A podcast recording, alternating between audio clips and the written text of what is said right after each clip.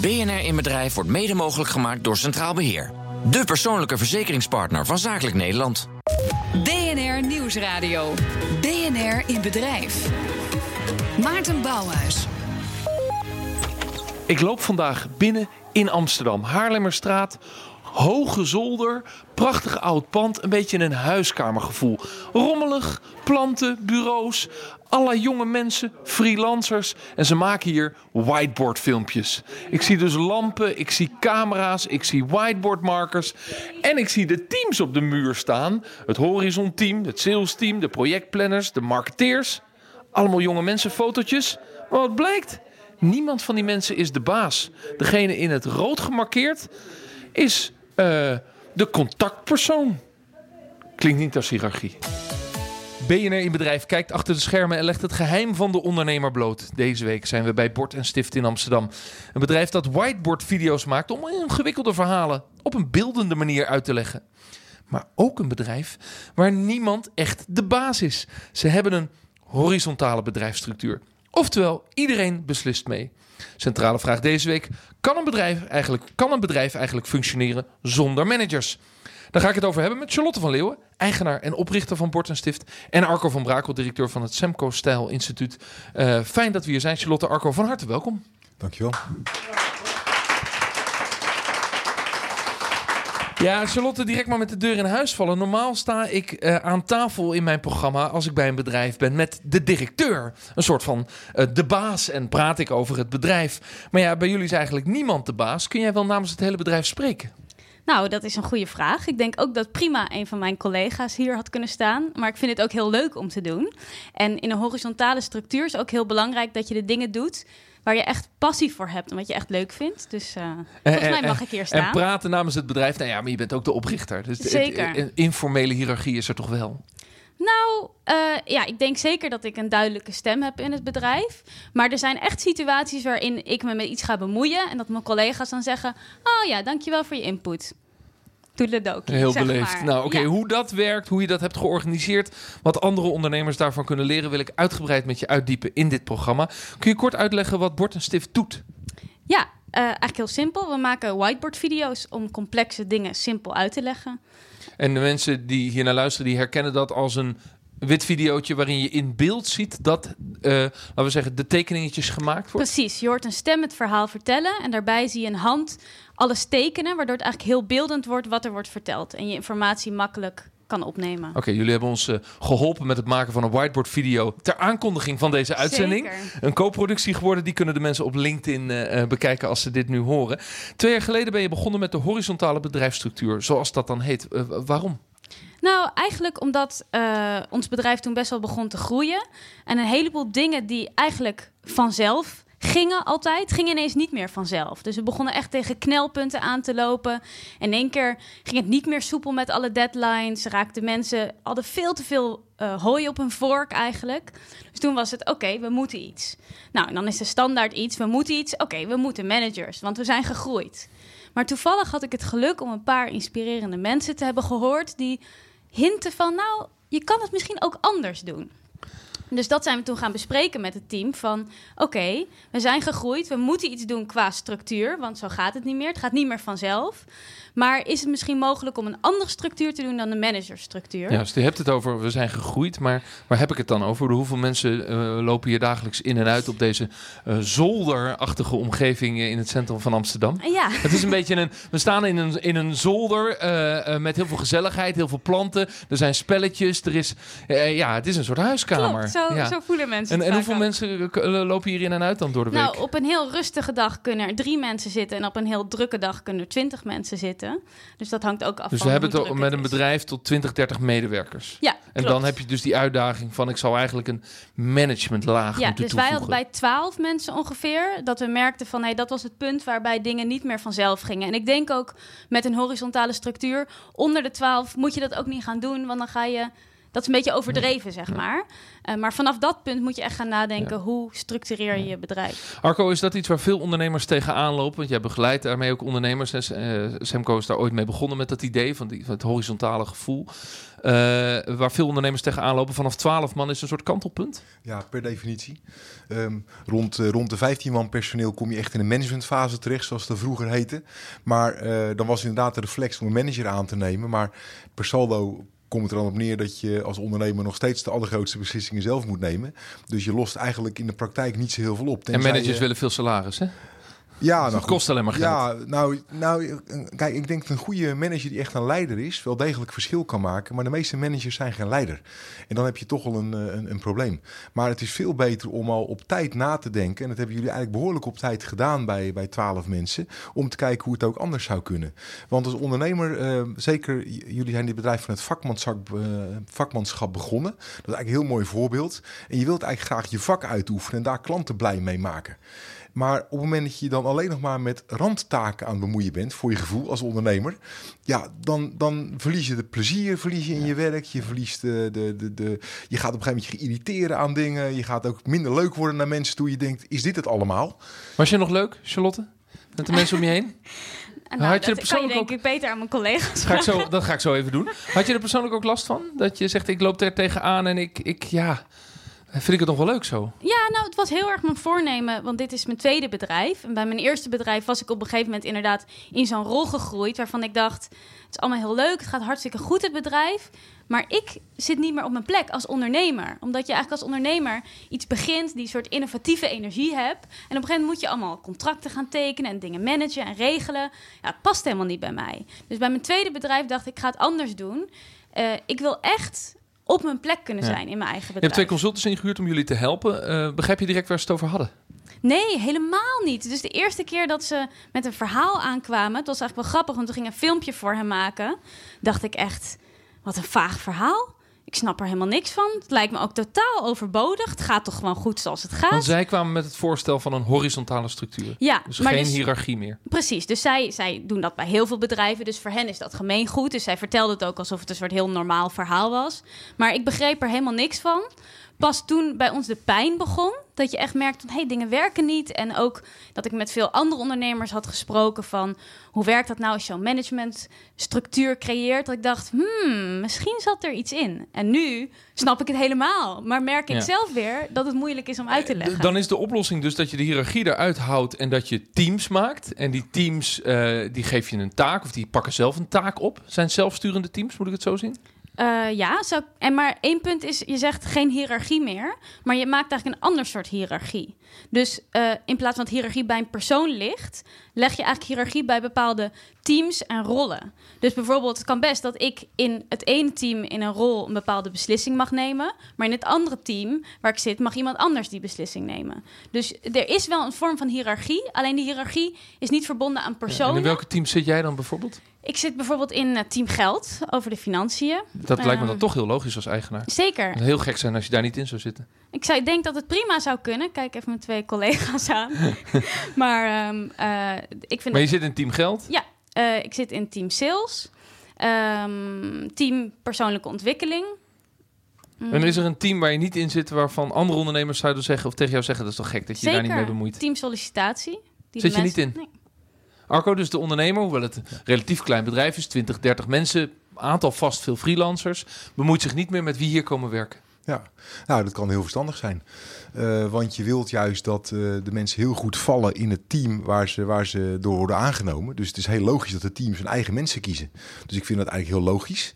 Um, je ziet wel dat er tussenvarianten in bestaan. Bij Zeppos, uh, een heel bekend bedrijf, een hele bekende webshop. Daar had op een gegeven moment hadden leiders wel op een gegeven moment een soort veto. Dat, dat, dat ze lieten alles aan een team over, maar ze mochten als het echt niet wilden nog wel er wat van zeggen. Dat is een tussenvariant die je soms mogelijk kan maken. Maar wat ik heel interessant vind is de scheiding van de rollen. Dat heb wij zelf ook gedaan. Kijk, ik, ik ben net al. Ik vermoed dat jij ook nog wel statutair directeur bent voor de Kamer van Koophandel. Nou, dat is een rol. Maar dat is een piepklein rolletje. Want die is eigenlijk alleen maar nuttig als je handtekeningen zet. En dat is minder dan 1% van je tijd. Ik denk zelfs minder dan een half procent van je tijd. Dus piepklein. Maar vaak wordt er aan een statutair directeur wordt er ook aan opgehangen dat je inderdaad de sollicitatiegesprekken doet, dat je de presentaties doet, dat je de vergaderingen voorzet. Nou, ik En- ben dus gewoon nooit En voorzitter die van een koppeling, eh, die doorbreek je eigenlijk. ja, dat ga je anders organiseren. Want je Maar gaat kijken naar wel, in welke rol je goed bent. Ja, ik zie dus nooit een vergadering voor om die reden. ondanks dat ik directeur ben. Er, er zijn wel momenten dat er knopen moeten worden doorgehakt. Ben jij dan toch niet degene die die knopen doorhakt? Zeker niet. Dat Ook kan. als teams er niet uitkomen? Eh, nee, volgens mij is er echt nog nooit een team naar mij toegekomen van kom er niet uit. Want ze komen er eigenlijk altijd En wat uit. nou als een team een beslissing neemt waarvan andere teams, of jij als directeur-eigenaar zegt, ja, die, daar, daar sta ik eigenlijk niet zo achter. Nou, er is wel een... Want in principe, je wil heel erg snelheid behouden. Hè? Dus daarom zorg je inderdaad dat teams, individuen zelfstandig beslissingen mogen nemen. Maar wij hebben iets ingevoerd dat heet principieel bezwaar. Dus stel dat het echt zo'n beslissing is waarvan je denkt... ja, maar dit doet het bedrijf echt schade toe.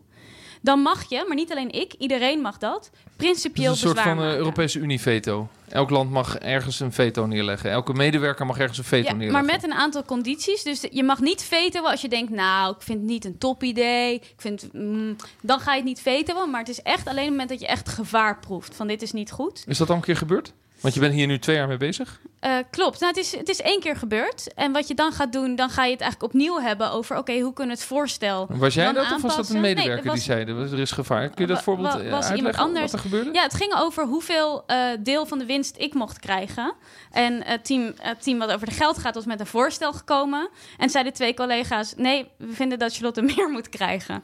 Dus toen was er principieel bezwaar gekomen tegen dat percentage. Ja. Dat is wel interessant, Ja, Arco. nee, is, dat is logisch. Want ehm, ehm, ik zal je de gedachte erachter benoemen. We hebben dat bij een ander bedrijf waar ik ook aandeelhouder in ben, Infocaster in Arnhem. Dat is een, een zelfsturend eh, webbureau. Daar werk ik nu eh, bijna 40 mensen. Dat we ook in de aandeelhoudersvergadering ehm, hebben daarover gehad. En die jongens, de eigenaren, de oprichters, vonden zelf ook dat ze eigenlijk weinig, minder moesten verdienen. Want je gaat namelijk heel erg andere mensen waarderen. En dan haal je zelf vaak financieel wat omlaag als En waarom zeggen de medewerkers dan nee, je verdient meer? In dit geval waren het niet alleen de medewerkers, maar ook de aandeelhouders. Het is heel simpel. Stel dat een van die mannen onder een bus loopt en je moet een vervanger vinden voor die rol, dan was het niet conform marktwaarde. En op een gegeven moment, stel dat Charlotte vervangen moet worden. want Je kan natuurlijk alles aan je bedrijf overlaten, maar zonder jouw keuze, zonder jouw leiderschap, was ditzelfde bedrijf. interessante analyse, is maar niet was dat, gebeurd. was dat het argument waarmee het veto werd uitgesproken? Of was het meer een emotioneel argument met je verdient meer? Eh, ik, denk, ik denk meer het laatste. En ik denk ook dat ik natuurlijk heel veel bijdraag aan het bedrijf. Maar ik denk echt dat ik onder een bus kom, het bedrijf vrolijk door hobbelt, zeg maar. Ehm, misschien wel, maar toch is dit een belangrijk argument als het groter wordt. ja, precies. Want je bent wel het gezicht van het bedrijf.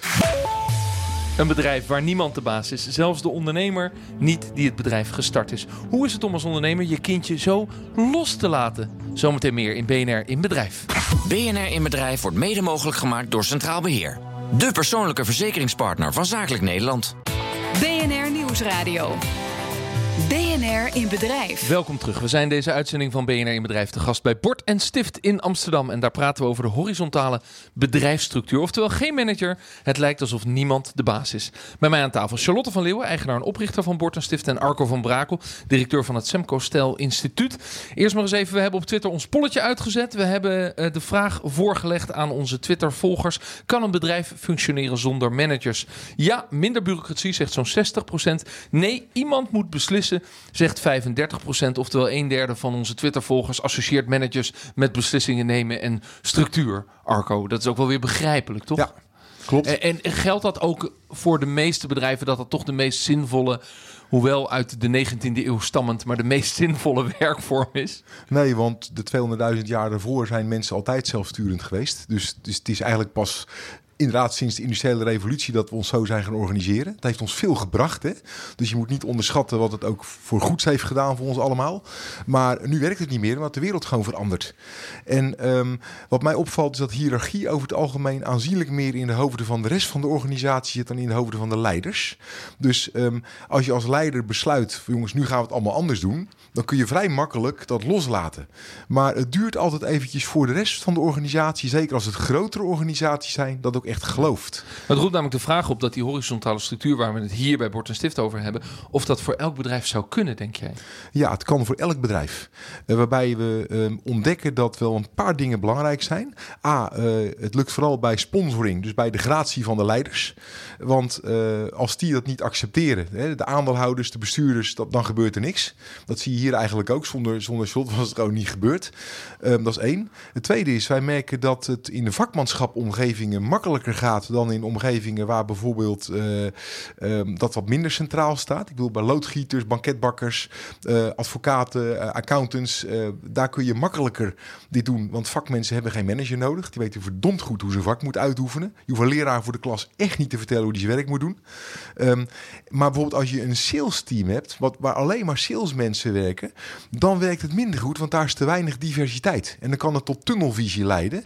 Daarom zie je ook vaak dat sales teams heel veel problemen met de afdeling productie hebben. En andersom. Ja. Maar als je die samen in een team stopt, dus je maakt het multidisciplinair, dan gaan ze elkaars belangen beter begrijpen. En dan krijg je een veel consistenter... dan schuurt het op een manier ook weer een beetje tegen dat nieuwe agile werken aan. Om Absoluut. verschillende disciplines in een team te zetten. Wat natuurlijk een, een lichte vorm van, van zelfsturing en, en minder hiërarchie is. Ja, absoluut. Uh, nou zul je dus als ondernemer, Charlotte, je bedrijf wel een beetje los moeten laten. Want we hebben voor de reclame gesproken over het feit, ja, er zijn teams en die nemen beslissingen. Er is wel een soort van vetorecht, maar dat is heel zwaar. Uh, dus een team, het sollicitatieteam neemt iemand aan. Jij bent daar niet bij betrokken, dus je laat ook los. Lukt dat? Zeker. Uh, ja, want je haalt er heel veel plezier uit als ondernemer, omdat je bedrijf veel groter wordt dan jij. Want ik denk als je bedrijf kleiner is of als je als ondernemer heel erg de leiding neemt, dan is een bedrijf heel een afspiegeling van wie jij bent. Dus dezelfde patronen die je hebt als mens zitten dan ook in je bedrijf. Maar op het moment dat je het echt gaat delen en gaat openstellen en mensen dus echt zelf ook als het ware ondernemer mogen zijn in het bedrijf, dan wordt je bedrijf veel rijker, veel stabieler, veel diverser. Dus jij ziet je collega's als mede-ondernemers in het bedrijf? Ja, dat, ik denk dat, dat laatst waren we ook ergens en zei iemand, huh? Wat grappig, je bent een werknemer, maar je klinkt de hele tijd als een ondernemer van hoe mensen meedenken. Dat zei ze niet tegen jou, maar tegen iemand anders. Tegen, tegen een collega van ja, mij, ja, ja, precies. En ook alle informatie is bij ons transparant, alle financiën. Dus iedereen heeft ook de capaciteiten om zo te denken. Ja, ik ga even naar de collega's. Jongens, kom er even bij. Uh, uh, wie stapt daar richting de microfoon? Want ze luisteren hier mee. Dus uh, met wie heb ik het genoegen? Floris. Dag Floris. Hoi. Voel je je ondernemer? Ik voel me niet per se ondernemer.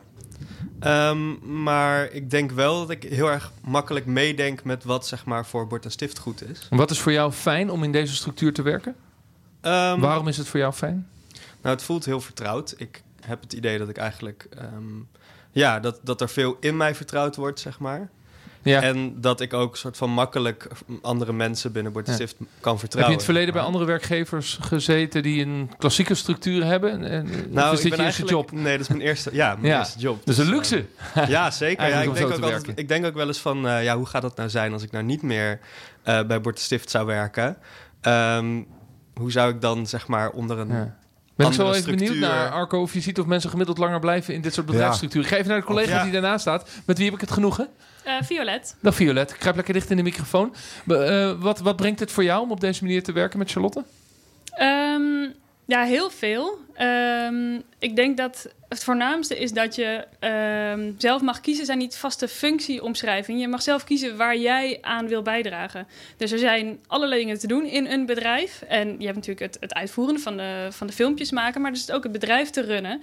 En daar zijn allerlei facetten aan. En je kunt daar eigenlijk zelf aanvoelen waar je goed in bent, wat je leuk vindt om te doen. En daar kan je naartoe bewegen. Ja. En uh, die vrijheid daarin uh, waardeer ik heel erg, word ik heel gelukkig van. Ja. Dus, uh, dankjewel. Heb ik zo nog een vraag over Charlotte. Maar Arco, eerst even naar dat eerste punt. Zie je dat medewerkers langer willen blijven en gemotiveerder zijn als ze in dit soort bedrijfsstructuren werken? Ja, over het algemeen wel. Sterker nog, ze willen niet meer terug. We hebben voor een hele grote bank hebben we een project gedaan. Ik mag de naam, wat voor reden ook even niet noemen. Wat zou je in kunnen zijn? Ja? Of een van de andere twee. Maar het is een van die drie grote. En daar hebben we 3.500 mensen hebben begeleid naar zelf zelforganisatie uh, in 350 teams. Um, en er waren zelfs mensen waren opgestapt daarvoor, maar die wilden weer terug. En uh, je ziet ook, als je eenmaal de weg in hebt geslagen naar zelforganisatie, dan wil je nooit meer terug naar het oude. Dat is gewoon geen optie meer, wat, wat een raad van bestuur ook wil. Dan, ik denk dat de boel in opstand komt als ze terug zouden willen. Maar het leuke is, ziekteverzuim is omlaag, uh, de engagement is omhoog, de kosten zijn omlaag, klanttevredenheid is radicaal omhoog gegaan. Dus het zijn hele mooie resultaten. Interessant, je... Charlotte, betekent wel, we kunnen niet meer terug. Dat, dat is één. Zeker. dat is één. Ja. En twee, eh, wat Violet zo mooi omschrijft. Ik mag eh, in een aantal dingen die nou eenmaal gedaan moeten worden in een bedrijf zelf kijken. Wat vind ik leuk, wat past bij mij. Maar er is ook gewoon corvée. Er zijn ook gewoon taken die gedaan moeten worden. En als niemand zich daar nou voor aanmeldt, hoe los je dat dan op? Klopt. Nou, dat was ook een heel eh, interessante aanname die ik had. Want ik had een tijdje uit een soort verantwoordelijkheidsgevoel als oprichter. Dat ik dacht, ja, sommige taakjes zijn zo vervelend, zo lastig. Die kan ik echt niet aan iemand anders geven. Die moet ik doen. Eh, dus ook, ja, eh, maar dat bleek helemaal zelf bedacht te zijn. Want namelijk, A, wat ik niet leuk vind om te doen kan iemand anders hartstikke leuk vinden om te doen. Dat is echt fascinerend. Dus bijvoorbeeld echt een planningssysteem opzetten. Huh? Is niet jouw ding? Blijken andere mensen super leuk vinden om te doen en hoe dat op te zetten. En plus mensen willen graag bijdragen. Dus op het moment dat een taakje misschien niet heel leuk is, maar je voelt, wow, dit draagt zoveel bij aan het bedrijf. Als ik de facturen handig inboek, geeft dat zoveel inzicht aan Mhm. iedereen. Ja. Dan voel je ook motivatie om het te Nog doen. twee dingen met je bespreken. Ten eerste spanning. Een belangrijk onderdeel van het werken zonder managers is het uitspreken van spanning. Jullie hebben er een systeem voor bedacht. Eh, ik geloof één keer per maand of één keer per week eh, een rondje spanningen. Ja. Eh, waarom is dat belangrijk? Nou, dat is eigenlijk heel belangrijk, omdat je wil alle intelligentie in het bedrijf gebruiken. En eigenlijk spanningen zijn dingen waarvan je voelt, mm, het werkt net niet lekker. Het is nog net niet goed. En dan maandagochtend kwart over negen. Iemand Ja. komt uit het weekend, heeft er thuis ook over gesproken, zoals dat gaat. Wat, wat, wat voor spanningen worden dan op tafel gelegd? Nou, bijvoorbeeld, eh, het kan echt van alles zijn. Het kan zijn, eh, met die opdrachtgever is het lastig, maar het gaat eigenlijk meer over interne dingen. Van, ik heb het gevoel dat dat team ehm, ja, eigenlijk niet helemaal die taak doet, terwijl dat eigenlijk wel zo zou moeten. Dat is Of- interessant, want die persoon zit niet in dat team. ja, Gaat dan vanaf de buitenkant dat team aanspreken. ja, En, en moet dus wel de vrijheid voelen om dat te doen, terwijl hij niet zelf het team instapt om te gaan helpen. klopt. Dat, maar dat, dat kan ook een optie zijn. Dus dan ga je, vervolgens is de vraag, wat heb je nodig om die spanning op te lossen? Dat kan zijn, bijvoorbeeld laatst, ik ben laatst bij een team gegaan, omdat ik was me inderdaad met een team aan het bemoeien waar ik helemaal niet in zat. Dan zei een collega, ja, ik wil ook eigenlijk helemaal niet meer in het team zitten. En ik zei, ik wil eigenlijk wel in dat team zitten. Spanning opgelost. Dus dat is heel grappig. Maar het kan bijvoorbeeld ook zijn dat de oplossing is: oké, nee, ik wil het er even met iemand anders over hebben. Ehm, maar het is eigenlijk iets wat, wat heel lastig is en waarvan ik dacht dat we het al deden. Dus we hebben heel open cultuur. Spanningen uitspreken, ja. Maar pas toen we het echt gingen invoeren, kwamen er nog Ja. een soort van spoken Dus, dus je moet het en- institutionaliseren Ja. om mensen echt het platform Ja. te geven om, om, eh, om die spanning, echt, echte spanning uit te spreken, Arco. Ja, wat, eh, wat, wat ons heel erg opvalt is dat bedrijven waar dat helemaal niet gebeurt, daar heerst schijnveiligheid. En dat is wat anders. De lieve vrede bewaren is wat anders dan een veilige organisatie hebben. Dus het uitspreken van spanning, waar wij zelf overigens ook niet altijd even goed in zijn. Hè. Bij onze loodgieter lekt het soms wel eens een beetje. Ehm, dat zeg ik heel eerlijk, want het is moeilijk te Het is hartstikke organiseren. moeilijk. Maar het is wel cruciaal. Als Ja. je het niet doet, Ja. loopt het ergens spaak. Laatste vraag aan Charlotte, de toekomst. Eh, het is nu jouw bedrijf. Jij bent DGA, zoals dat heet, directeur, groot aandeelhouder. De aandelen staan op jouw naam. Eh, wil je daar vanaf? Wil je dat het bedrijf ook van de medewerkers Ja. wordt? Klopt, daar zijn we echt naar aan het zoeken van welke vorm past daarbij. Want ik zeg ook altijd ons bedrijf. Het voelt heel raar dat het soort van nog mijn bedrijf is. Ja. Dus dat een zoektocht, maar daar hadden wij het net al over. Dat in Nederland Jij is dat niet zo heel, ja. heel, heel makkelijk of zo. Er is niet nu een vorm die dat perfect doet. Ja, dus dat is nog coöperatie even komt zoeken. dichtbij. De coöperatie komt Ja. dichtbij, maar je bent aan het zoeken naar een juridische structuur. Ik kijk even naar de medewerkers, zouden die aandelen willen hebben? Ja, ze kijken daar wel vrolijk bij. Ja. Een soort geste. Of moeten ze dan... Ja, ze moeten de aandelen wel kopen Nee, daar is, nou, nee, daar is dus ook een theorie over. Namelijk dat een bedrijf eigenlijk van zichzelf moet zijn. Ja. Dus dat je vastlegt dat een bedrijf nooit verkocht kan worden. Waarmee je ook het hele idee van bedrijven als kapitaalmakende machines verandert. Naar een bedrijf die echt iets bijdraagt aan de wereld en van zichzelf is. Dus daar zijn we aan het onderzoeken, maar we zijn er nog niet uit. Dus Over een jaar kan ik je er meer over creëren vertellen. Wat, zoals je net zei, wat groter is dan jezelf. precies, precies. Ja, dat is wel mooi hoor. De centrale vraag van deze week: kan ik een bedrijf functioneren? Kan een bedrijf eigenlijk functioneren zonder managers? Nou, ik heb hier een half uur aan tafel gestaan op de zolder in Amsterdam. En dit bedrijf functioneert fantastisch zonder managers.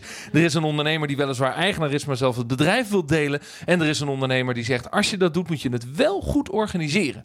En het kost tijd. Er zijn teams gemaakt, die kun je hier ook op, het, eh, op de wand zien. Er is duidelijkheid over teams. Er is eh, goede regels over veto's. En er zijn regels over het uitspreken van spanningen. Dat soort institutionalisering is wel nodig. Zeker weten. Maar dan is het ook een groot succes, althans als ik zo hier om mij heen kijk. Want met de business gaat het volgens mij prima, Charlotte. Zeker. Ehm, dank Charlotte van Leeuwen, eigenaar en oprichter van eh, Bord en Stift. En Arco van Brakel, directeur van het Semco Stijl Instituut. Dankjewel. Dit was hem alweer BNR in Bedrijf. Volgende week zijn we er uiteraard weer. Dan zijn we te gast bij de Oesterij in Ierseke. Ooit ging het bij hem vooral om het oude ambacht van oesters kweken, maar dat is al lang niet meer genoeg. Er zijn proeverijen, rondleidingen. Kortom, ze hebben het modewoord beleving toegevoegd. Nou, wil je daarbij zijn? Mail ons dan even in bedrijf.bnr.nl. En binnenkort brengen we alle verhalen van de afgelopen weken samen tijdens ons event BNR in Bedrijf The Battle op 26 november in Amsterdam. Je kunt erbij zijn. Meld je aan via bnrlive.nl. Bedankt voor het luisteren vanuit Amsterdam. Dag. BNR in Bedrijf wordt mede mogelijk gemaakt door Centraal Beheer. De persoonlijke verzekeringspartner van Zakelijk Nederland.